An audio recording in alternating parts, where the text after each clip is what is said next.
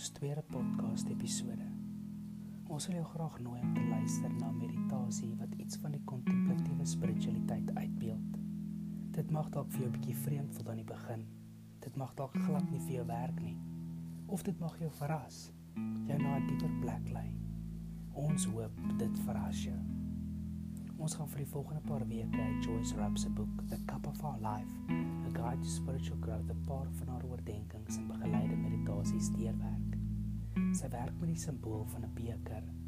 Simbole kan ons help om die versteekte dimensies van ons alledaagse lewe opnuut te sien, te ontdek en ons bewus te maak van die heilige oomblikke in die lewe. Ons moedig jou aan om vir jou 'n stil plek te soek en dan rustig hierdeur te luister.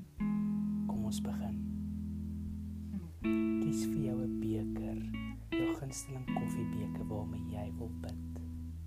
Maar raak bewus van die omgewing of die vertrek waarin jy nou sit.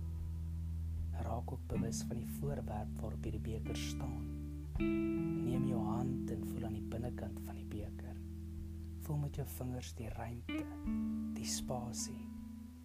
En neem jou vingers en rol op die rand van die beker, die sirkel van hierdie opening van die beker. En dink vir 'n oomblik aan die bestaansdoel van hierdie beker. Wat bestaan om vloeistof te kan hou? Soos my en jou lewe wat bestaan om God se teenwoordigheid, sy nabyheid wat na ons toe kom met liefde, met vrede, met diep strome van blydskap dat ons lewens dit kan vashou.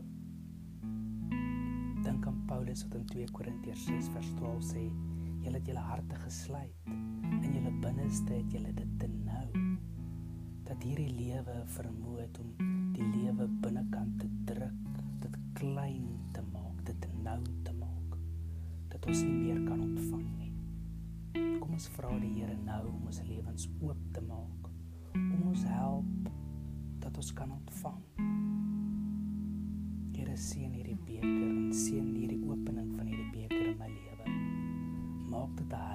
instrument waarmee ek nou kan bid. Wat my kan help dat ek my lewe kan oopmaak vir U en dat U my kan volmaak. Raak op bewus dat die beker nie net jou liggaam verteenwoordig nie, maar dat dit jou innerlike wêreld omring. Jou innerlike wêreld dra en dit vashou. Probeer in jou geestesoog in hierdie innerlike wêreld van jou instap wat voel jy nou as jy daaraan dink? Wat is hierdie gevoel binne in jou en wat wil dit vir jou sê? Waarna verlang jy? Wat begeer jy? Waarvoor is jy bang?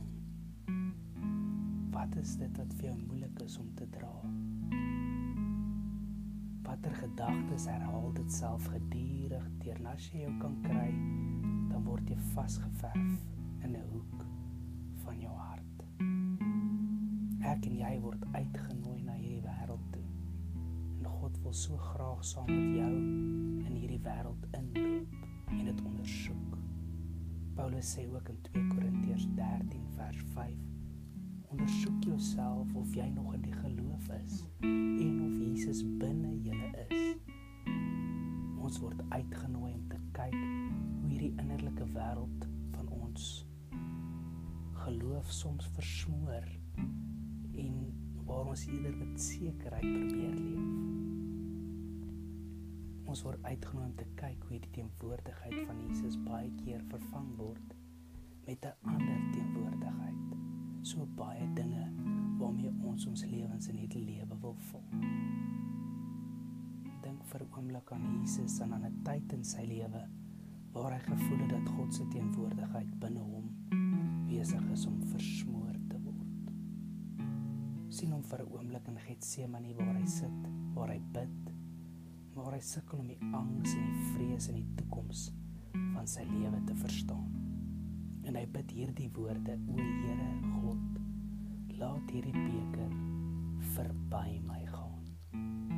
En luister na hierdie woorde van Joyce Rupp: There's a part of me that always wants to be filled, to feel good to have life go well and not to have any pain or discomfort. Yet I know that a cup that is always full does not have room to receive. It does not have space to contain anything more than what it already has. Likewise, a cup that is never used or shared will grow stale and tasteless. Dit is ook nie anders in ons lewe nie. In steede van om in te gaan, wil ons eerder weggaan van hierdie oomblikke. Hy het selfs vir sy disippels in Matteus 20 gesê, daar gaan tye kom en dit gaan moeilik wees waar julle julle bekers sal moet leegmaak. Dink vir 'n oomblik wat dit is wat jy moet leegmaak. Dink vir 'n oomblik aan die dinge wat jy eerder net wil laat verbygaan. Wat is vir jou moeilik om na te kyk of om aan te dink om dit net te voel?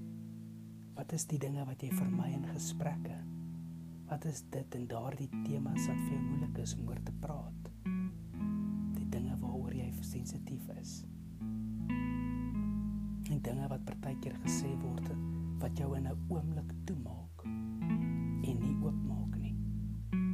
Wat is dit wat jy wil verdedig of wat jou verdedigend maak? Wat is die dinge wat jou laat klein voel, wat jou verneder? Of wat is dit wat jy baie keer vir mense wil wys wat goeie eienskappe is in jou? En baie keer is dit presies die teenoorgestelde wat binne ons innerlike wêreld lê. Jesus soos Jesus wat sê as ons die splinter sien, dan is dit partykeer die balke in ons. Vra die Here om dit vir jou te wys. Vra vir die Here dat jy dit nou kan voel en dat dit nou binne in jou kan opkom. Luister nou na Psalm 8. Luister nou na Psalm 85 vers 8. God spreek vrede oor sy mense, hulle wat hulle harte na God toe draai. Neem die beker nou in al twee jou hande. As jy weet waar die ooste is, draai jou liggaam en wys die beker soontoe. Die ooste is die plek waar die son opkom. Dit is die plek wat die dag breek. Dit is die plek waar God sy lig na hierdie wêreld toe stuur. En vir 'n oomblik al diep asem in. En as jy inasem, sê ek neem God in, sy lig, sy teenwoordigheid, sy nabyheid. En blaas dan uit. En wanneer jy uitblaas, sien hoe jy alles wat jou vashou, alles wat jou klein maak, alles wat jou dun en nou maak, hoe dat jy dit uitblaas kom ons al weer diep asem in. Asem God se lig in, sy teenwoordigheid in. En blaas dan uit al hierdie dinge wat jou wil vashou. As 'n teken, neem hierdie beker in jou hand en draai hom onderste bo. As 'n simbool dat jou lewe en dat jy al die gedagtes, al die gevoelens, al die verlange wat jou klein maak en waaraan ons so baie vashou dat jy dit leeg maak. Jy sit vir 'n oomblik net in hierdie leegheid. Maak jou los van alles in jou innerlike